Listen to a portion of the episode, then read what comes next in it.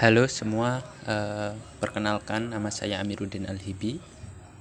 Uh, pada podcast kali ini saya akan sedikit uh, menjelaskan analisis saya terkait hal terburuk yang bisa saja terjadi sewaktu-waktu akibat pandemi COVID-19. Nah, pembahasan pada kali ini cukup menarik ya.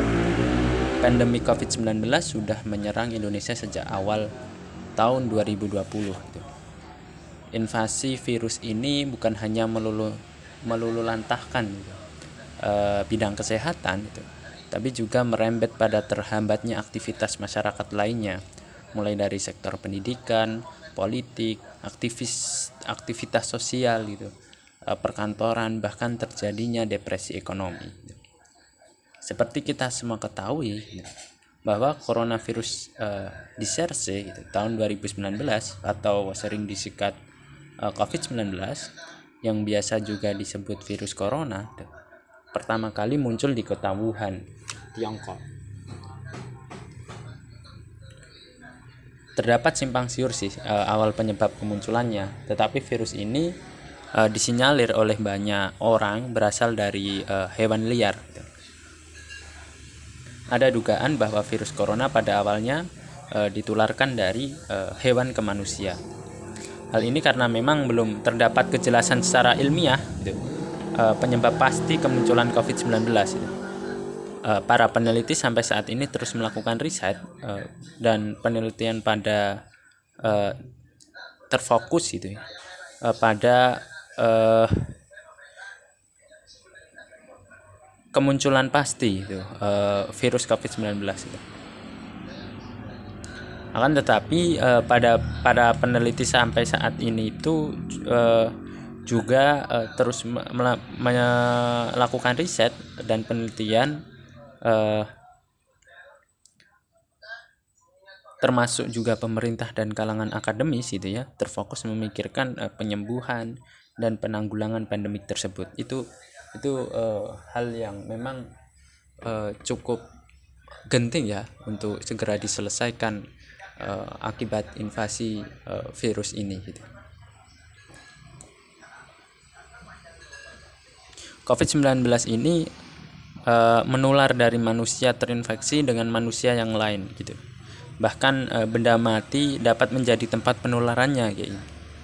Uh, virus corona membuat masyarakat khawatir karena cara penyebab penyebarannya yang begitu cepat gitu orang yang sudah positif terkena COVID-19 biasanya mengalami batuk kering, sakit tenggorokan, sesak nafas, gitu.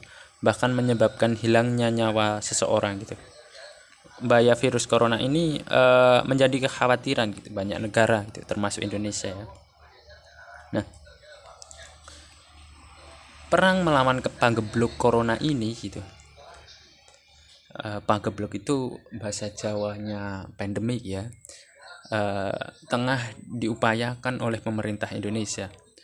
Hal ini dilakukan untuk mengantisipasi gitu dan memutus uh, korban yang terus meningkat dengan menghentikan penyebarannya. Sejak awal pandemi gitu ya, kebijakan uh, physical distancing, social distancing, PSBB, PPKM, karantina wilayah ditetapkan oleh uh, pemerintah gitu agar uh, kontak dengan orang lain diminimalisir gitu pembelajaran sekolah dari yang sebelumnya itu tatap muka menjadi homeschooling dan uh, hampir sudah berlangsung selama dua tahun ini gitu. Ya walaupun uh, sekarang ini sudah banyak juga sekolah yang menerapkan sistem luring gitu. Bahkan ada beberapa uh, sekolah terutama pondok pesantren itu udah uh, full tatap muka. Hal ini memang dinilai pembelajaran secara daring e, dirasa tidak efektif gitu. Berbagai ke, namun e, perlu kita soroti gitu berbagai kebijakan dalam penanganan COVID-19 menjadi beberapa usaha yang dilakukan oleh pemerintah dalam mengatasi penyebaran virus gitu. Kebijakan-kebijakan e, yang dilakukan oleh pemerintah itu tentu bukan e, tanpa konsekuensi gitu ya berbagai kebijakan eh, pembatasan sosial itu pembatasan masyarakat itu, itu menyebabkan eh, pedagang kecil tukang beca dan buruh informal yang takut keluar itu uh, yang keluar tan yang tanpa keluar tidak dapat penghasilan paling terasa mengalami mengalami dampak buruknya. Banyak pengusaha yang mulai uh, mengurangi bahkan menghentikan sementara produksinya secara uh, ya secara tidak langsung berpengaruh juga gitu terhadap makroekonomi Indonesia. Nilai tukar rupiah mengalami pelemahan gitu. Walaupun sudah tidak uh, seperti awal-awal pandemi dulu ya gitu.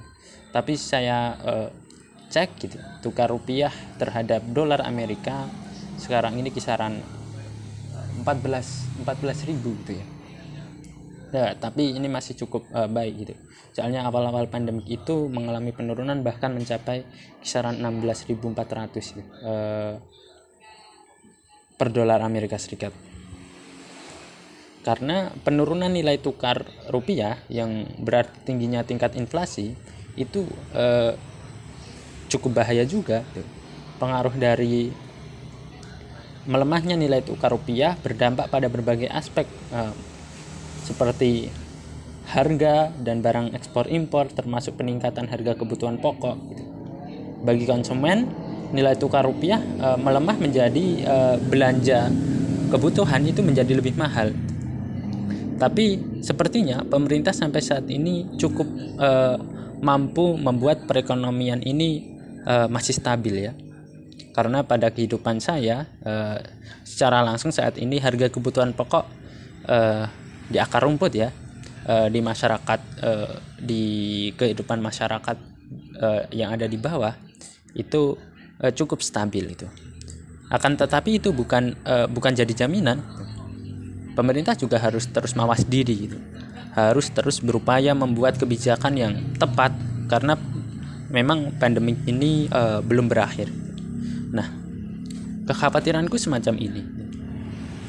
Pandemik gitu atau pagebluk COVID-19 gitu dengan uh, kebijakan physical distancing uh, berbagai kebijakan ya sejak awal itu namanya physical distancing terus kemudian berubah menjadi social distancing berubah lagi menjadi PSBB berubah lagi menjadi PPKM itu membuat produktivitas masyarakat itu menjadi menurun.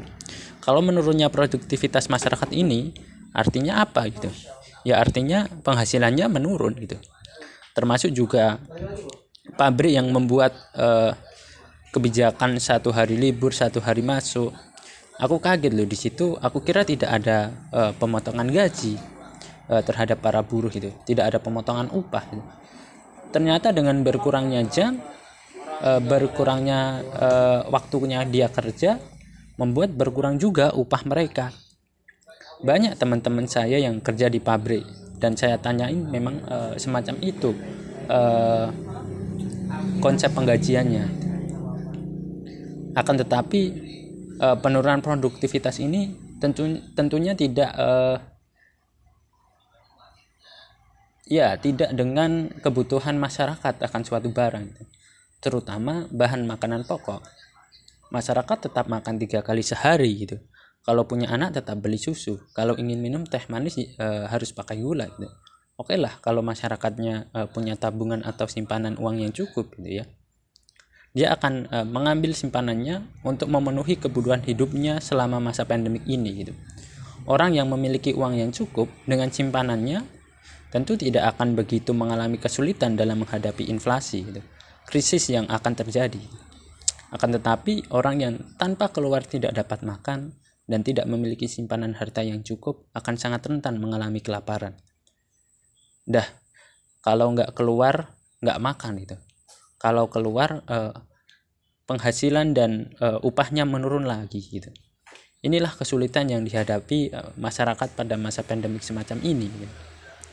Ya, berdasarkan Badan Pusat Statistika ya, jumlah uh, masyarakat miskin di Indonesia mencapai uh, 24,79 juta uh, penduduk ini. Masyarakat miskin yang jumlahnya mencapai puluhan juta penduduk ini sangat sensitif dalam menghadapi, menghadapi berbagai persoalan gitu, akibat merebaknya pandemi pandemi corona. Penurunan penghasilan uh, tentunya tidak dibarengi dengan uh, akan berkurangnya kebutuhan hidup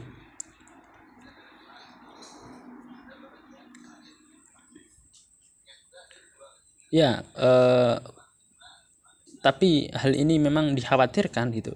Membuat harga kebutuhan uh, harga kebutuhan pokok harga kebutuhan seseorang gitu, uh, tidak dapat dijangkau oleh daya beli masyarakat itu karena uh, penghasilannya yang menurun atau uh, upahnya mengalami penurunan. Terlebih komoditas barangnya uh, masyarakat suatu daerah uh, akibat pandemi COVID-19 itu juga bisa saja terjadi gitu. Uh, di saat harga, uh, penghasilan masyarakat menurun malah harga barangnya naik itu bisa uh, membumbung tinggi itu itu itu akan sangat uh, berbahaya sekali. Tapi alhamdulillah ya harga kebutuhan pokok selama masa pandemik sampai sekarang ini masih cenderung stabil gitu dan makanya pemerintah membuat kebijakan bantuan UMKM gitu. Kartu prakerja bantuan langsung tunai bantuan beras 30 uh, kg uh, dalam satu bulan gitu.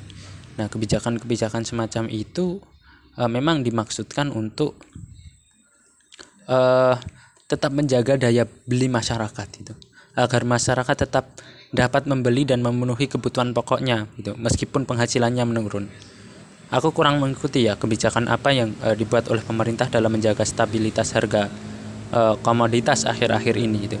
Tapi yang jelas kebijakan yang dibuat tidak jauh-jauh dari model kebijakan impor beras jika produksi beras nasional tidak mampu mencukupi kebutuhan masyarakatnya. Gitu.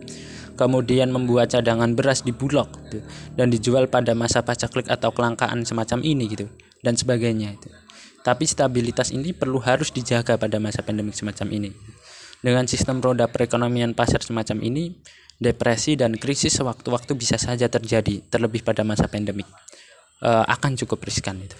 Makanya pemerintah perlu eh, hati-hati e, dalam membuat kebijakan, sehingga e, kebijakan yang tepat gitu, e, kebijakan yang sesuai dengan sasaran gitu, sesuai dengan kebutuhan masyarakat dan menyelesaikan masalah itu dapat e, terlaksana gitu karena gini gitu e, kerentanan publik pada masa pandemi semacam ini dapat menimbul gitu dapat menimbulkan kecemburuan sosial maupun e, kecemburuan ekonomi gitu dengan orang yang memiliki harta yang cukup itu e, dalam menghadapi pandemik ya hal ini juga mengingat angka ketimpangan sosial Indonesia yang cukup tinggi gitu.